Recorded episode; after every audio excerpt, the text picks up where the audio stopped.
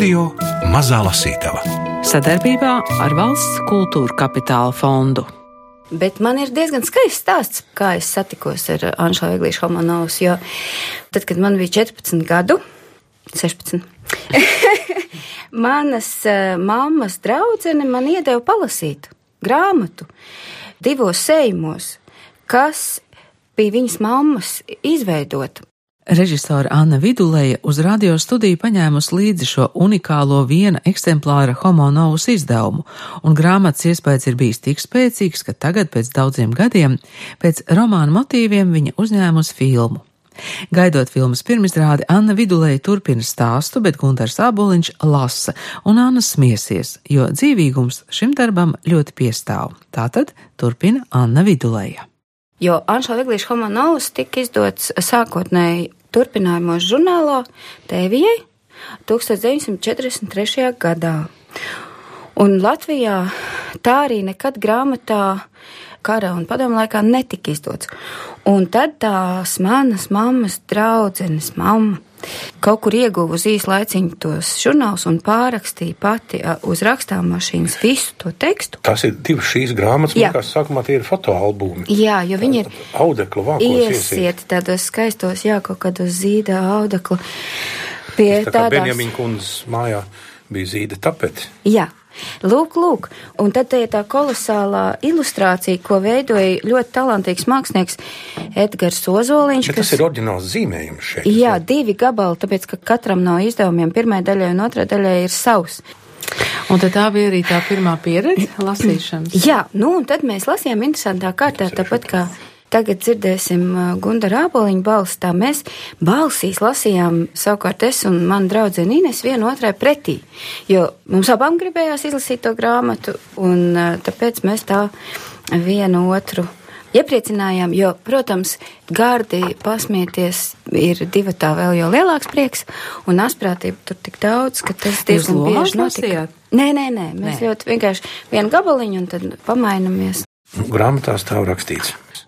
Kamēr upenājs novietoja pie malas savas mantas, kurcums ierunājās ar īpašu, nirdzīgu patosu, kurā tomēr, kā upenājam likās, pēdīgi ieskanējās arī kas sirsnīgs.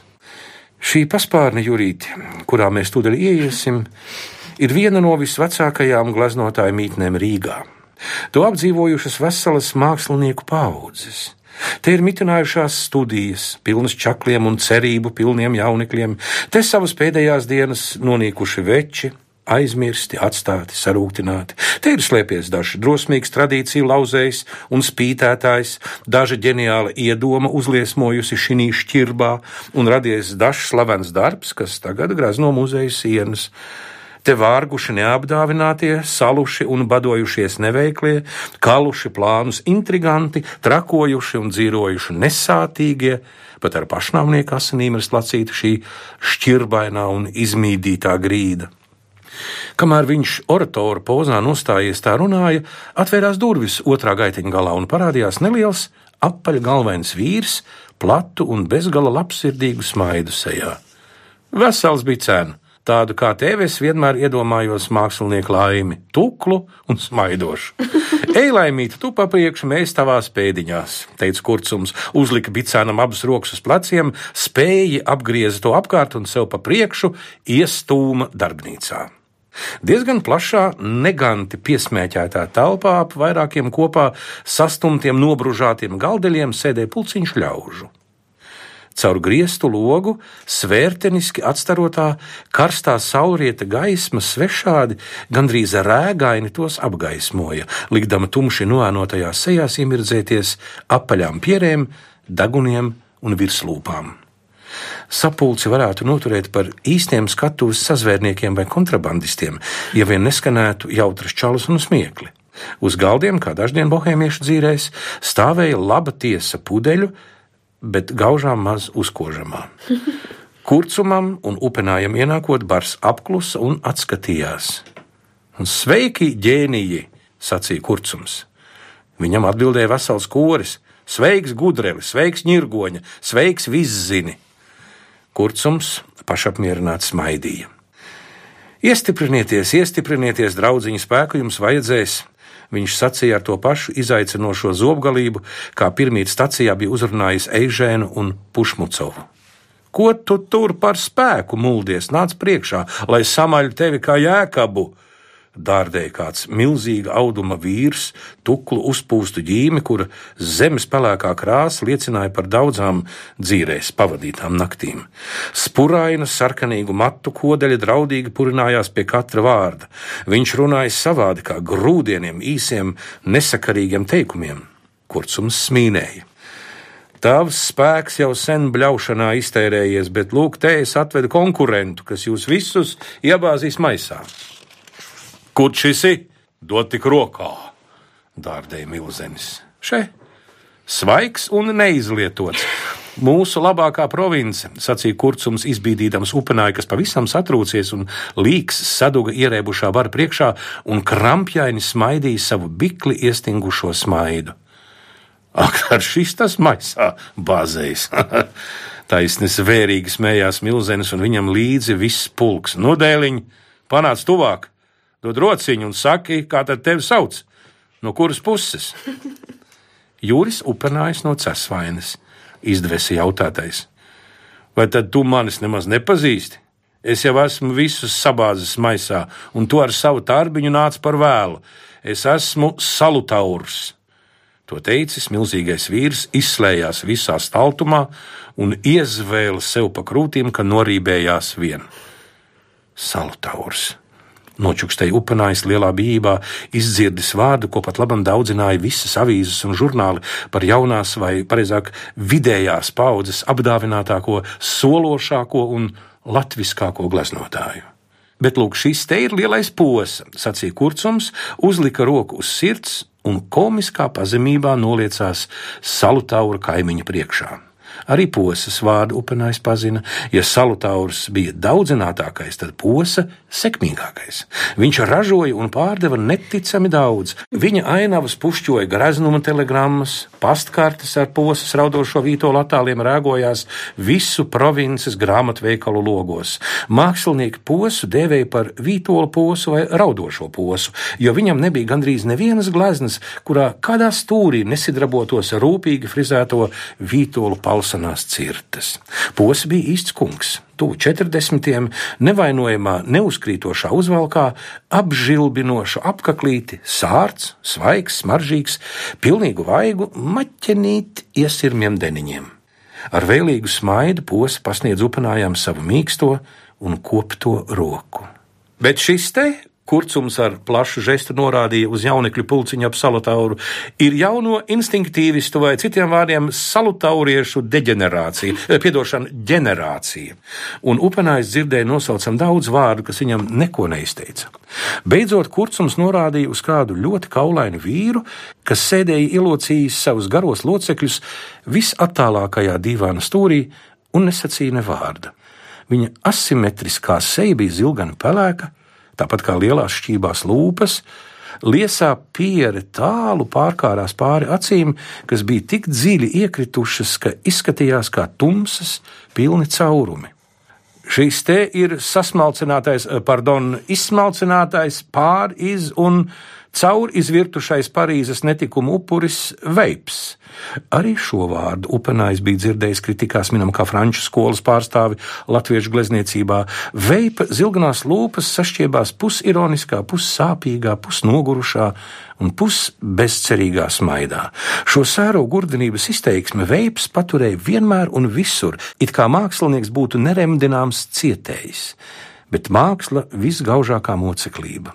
Veselu gadu viņš bija nodzīvojis Parīzē, un no tā laika izturējās kā tāds, kas visu dzīvē atzinis, līdz mieliem izbaudījis un apnicis, un tagad staigā ļaužu vidū kā noslēpumainas drupas vai drūms un baigi lielisks izdzisis vulkāns. Bijības pārņemts, upenājs sarāvās uz ļodzīgās kastes, visklusākajā stūrī mēms un mazs kā sīka sēne šo mākslas dižo zolu pavēnī. Salutaurs ir Andris Keišs, kurcums Kaspars Notiņš, posa ķirts krūmiņš. Un veips. Veipu izsvītrojām pavisam. Jūs veselu Parīzi izsvītrojāt. Jā, un visu to dekadenci izsvītrojām. Mm. Tā. Nevajadzēja tā teikt, vajadzēja teikt, ka tas paliks noslēpums, un tad mēs sapratuši. būt, ka- meklētu un meklētu, un, un Juris Upenājs. Jūras upenājs ir Igors Šelegovskis, kas ir ļoti Jauns. jauns un ļoti sološs. Šī gada izdevumā ir iekšā arī fotografijas jau no uzņemšanas, tur ir tērpu skices un, un tur ir dažādi filmēšanas eh, brīži. Tik bagātīgu talantu kopu, kā pie homonovas veidošanas. Jānis Eglītis, operators, Liena Raušteņa kostīmmākslinieks, Kirilš Šuvālaus no Pēterburgas mākslinieks un pārējie kolēģi tajā sagatavošanas procesā, tad mana skolotāja, kas bija adaptācijas eh, līdzautora, romāna adaptācijas eh, ekrānam, līdzautora Morina Tomas, ārkārtīgi talantīgs cilvēks. Nu, tad kolosālā tā aktieru puķeta. Nu, un beigās atkal bija tāda dāvana, ka Rēmons Pauls ar, nu, man jāsaka, tomēr visspilgtāko to talantu. Nu, viņš tā kā tādu gaismu staigā apkārt pasauli, manuprāt.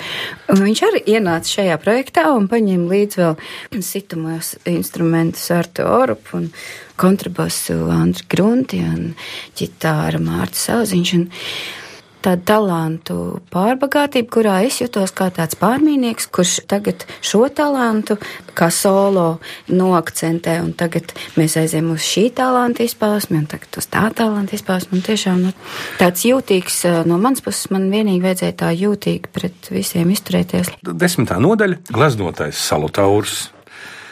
Gulēja savā darbnīcā tramīgu grēcinieka miegu. Pēdīgi viņš bija padevies Pušmucovam. Lai sarīkotu jau izsludināto izstādi, vajadzēja vēl veselu 20 gleznu, un tās viņš bija apsolījis uzgleznot. Bet draugi nāca, dienas gāja, un audekli stāvēja neskarti. Beidzot, līdz izstādes izsludinātai atklāšanai atlika tikai dažas dienas. Kaut kam vajadzēja notikt. Ap pašu gaismas svīdu viņu iztraucēja nežēlīga daudzīšanās pie durvīm. Dzīvais tev ārā, kāds ķēms tur ākstās! Salutaurs bārās, rausdamies laukā no migas un taustīdamies gar darbnīcas grabažu grēdām uz durvju pusi. Vai mitēsies lempie, es jau eju! Viņš sauca un atrāva durvis. Nu, tu vēlna pušelniek, kas tevi trends melnā naktī pa pasauli plīties? Viņš pārsteigts izsaucās, pazinis Pušmucovu melnajā kamolā, kas pārvēlās slieksnim. Pie darba mākslinieki viss sagatavots. Ormanis gaida lejā ar audekļiem un krāsām. Tūlīt jādodas ceļā un jāķeras pie ainavu glaznošanas. Dvēsa Pušmucovs vēl gluži aizelsies no kāpšanas. Šitādā naktī, piķa mice tu, vai tvar ko redzēt? Kamēr sarīkosimies, būs gaišs. Un vai nevar uzgleznot arī vienu mēnesi pār Rīgu? Rungu pār tavu muguru ierūcās salutāurs, liels un spocīgs, baltajās biksēs un kraklā. Dzeramais būs? Būs, būs. Steidzīgi atsaucās Pušmacovs, baidīdamies, ka neaprēķināmais salutāurs no tiesas nesāk apstrādāt viņa muguru. Tā kā piešpricē melno balzāmu, piekutināja salutāurs un sāka ģērbties. Drēbes bija ievīkstījušās, sagā ieņurcījušās vecā dīvaina bedrēs tā, ka pagāja labs laiks, kamēr visus gabalus, jo sevišķi sīkākos, sadabūja rokām. Caur glāžu griestiem jau lauzās ass rīta zilums, apliedams visas salutāura darbnīcas mantas ar rēgainu augstu spīdumu. Ja Pušmucavs būtu vērīgāks, viņš noprastu, no kurienes salutāurs ņēma savu glazno salto spokaino gaismu, kas tā nervozēja kritiķus, un tiem līdz arī Pušmucavu. Beidzot, mākslinieks bija gatavs. Paņēma paleti, sagrābās otu un kopā ar Pušmucovu devās lejup. Pie vārtiem uz savas bukas kūkoja ormanis. Ratos bija iekrauts labs blāķis metru garu, vienāda lieluma audeklu, lai nākamie darbi nenotraipītos viens gar otru. Katram audeklam gleznas pusē visos četros stūros bija piesisti korķi, kas atdūrās pret blakus gulošā rāmja spraišļiem. Ratos vēl atradās saliekams glezturis un divas kārbas. Viena ar krāsām, šoreiz pušmucavs tiešām nebija skopojies, otra ar uzkožamiem. Vai tu mani par odu turi? gremdās salutāurs, sataustīdams tikai divas pudeles. Divi kortelīši visai dienai, pušmucau vēlna pušelnieki gādā klāt. Pušmucavs apsolījās pusdienas laikā salu tauru apmeklēt un lūkoties, lai visa kā būtu gana. Vēlreiz un jo rūpīgi entreprenieris iedabāja brauciena maršrutu ormanim. Salu taurs izcēla vienu pudeli, izsita korķi, ieņēma labu guldzienu un uzsauca: Ej, dā! Zirga vīrs sukā vaļā! Nedzeriet, nedzeriet tūlīt no rīta, tukšā dušā. Tas domāts pusdienām, bažīgi sauc pušmucavs, skriedams līdz ratiem, bet zirgs tomēr izrādījās ātrāks. Visai lietpratīgi izstrādātais brauciena plāns paredzēja pilsētas centru, kur dienā drūzmējās gājēji, gleznot rīta agrumā. Vispirms Ormanis apstājās pie vienības laukuma. Brauc virsū, sauc Saltaurs. Es neiešu ar visiem krāmiem apkārt vazāties. Nedrīkst, kungs, pa laukumu braukt aizliegts, atbildēja Ormanis. Pa tumsiņu neviens nepamanīs. Še, teica Salutāurs, pasniegdams Ormanim pudeli. Un tiešām jau pēc dažiem guldzieniem Ormanim radās cita duša, un pabraukušies kādu gabalu tālāk no bulvāra, rati mīksti uzripoja uz smilšainā laukuma. Kam šitādi circeņa kauli der? rājās Salutāurs pūlēdamies ap saliekamo glezturi. Pieredzis pie milzu darbnīcas glezturiem, viņš trieca trauslās saskrūvējumās kājiņas zemē ar tādu sparu, ka viena no tām salūza. Nikni paspēris samaitāt to rīku pie malas, salutāurs iesēdās atpakaļ ratos, atspieda audeklu pret celi un satvēra otas. Nu, tu piķis, viņš prātoja. Ko lai krāso? To nolapīto muzeju, kas tik reti pērk manas gleznas, vai to krievu popu bunkuru? Ej, rausābas kopā.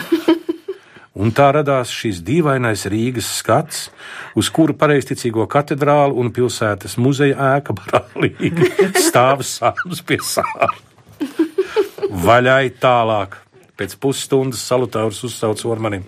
Abi iekampa no pudeles un rati ripoja uz nākamo pieturas vietu pie kanāla tilta, kam pāri varēja redzēt operas balto un pīlāroto namu. Pārmērīgi šķiesdamies, salutāurs jau pie pirmās gleznas bija pagūvis iztērēt visu līdz paņemto eļļu un terpentīnu. Pie tam lielākā tiesa otu darbnīcā pa tumsu sagrābstītas izrādījās nemazgātas un sakaltušas, cietas kā iesmi. Salutāurs tvēra pēc paletes nāža, bet tas bija piemirsies. Vādzi vecais uzsauca salutāurs ormanim. Ar ko tu griez desu?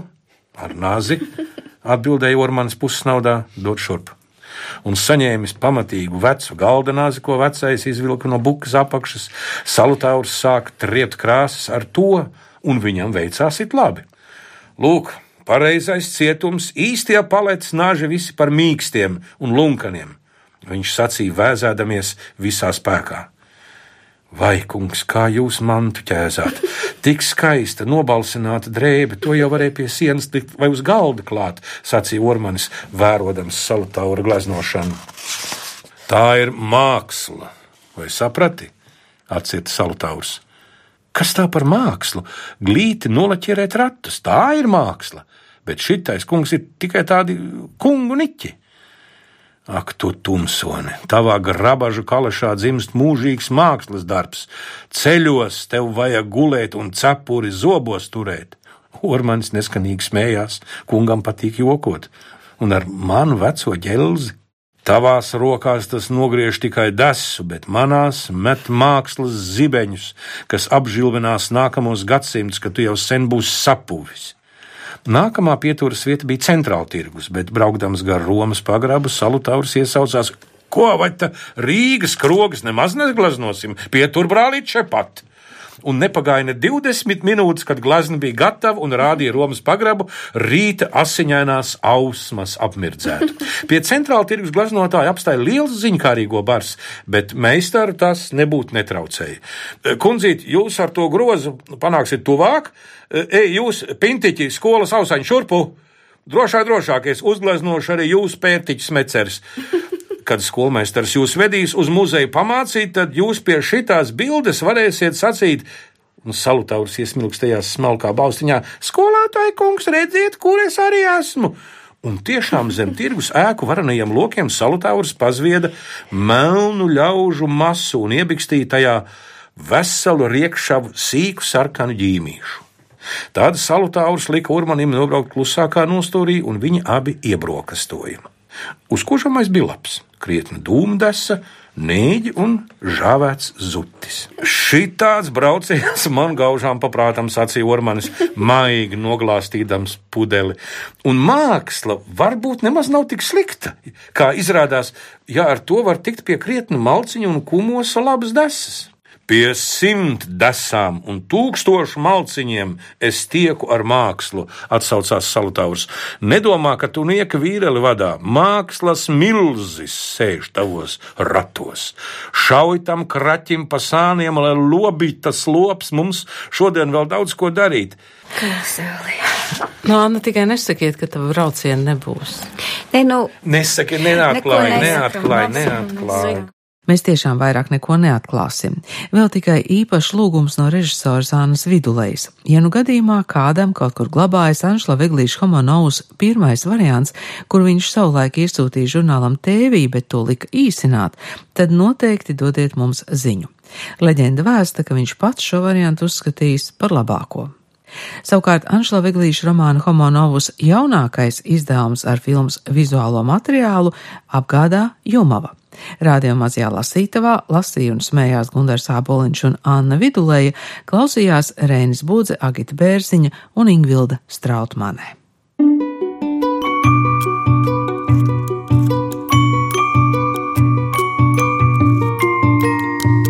Radio Mazā Lasītava. Sadarbībā ar Valsts kultūra kapitāla fondu.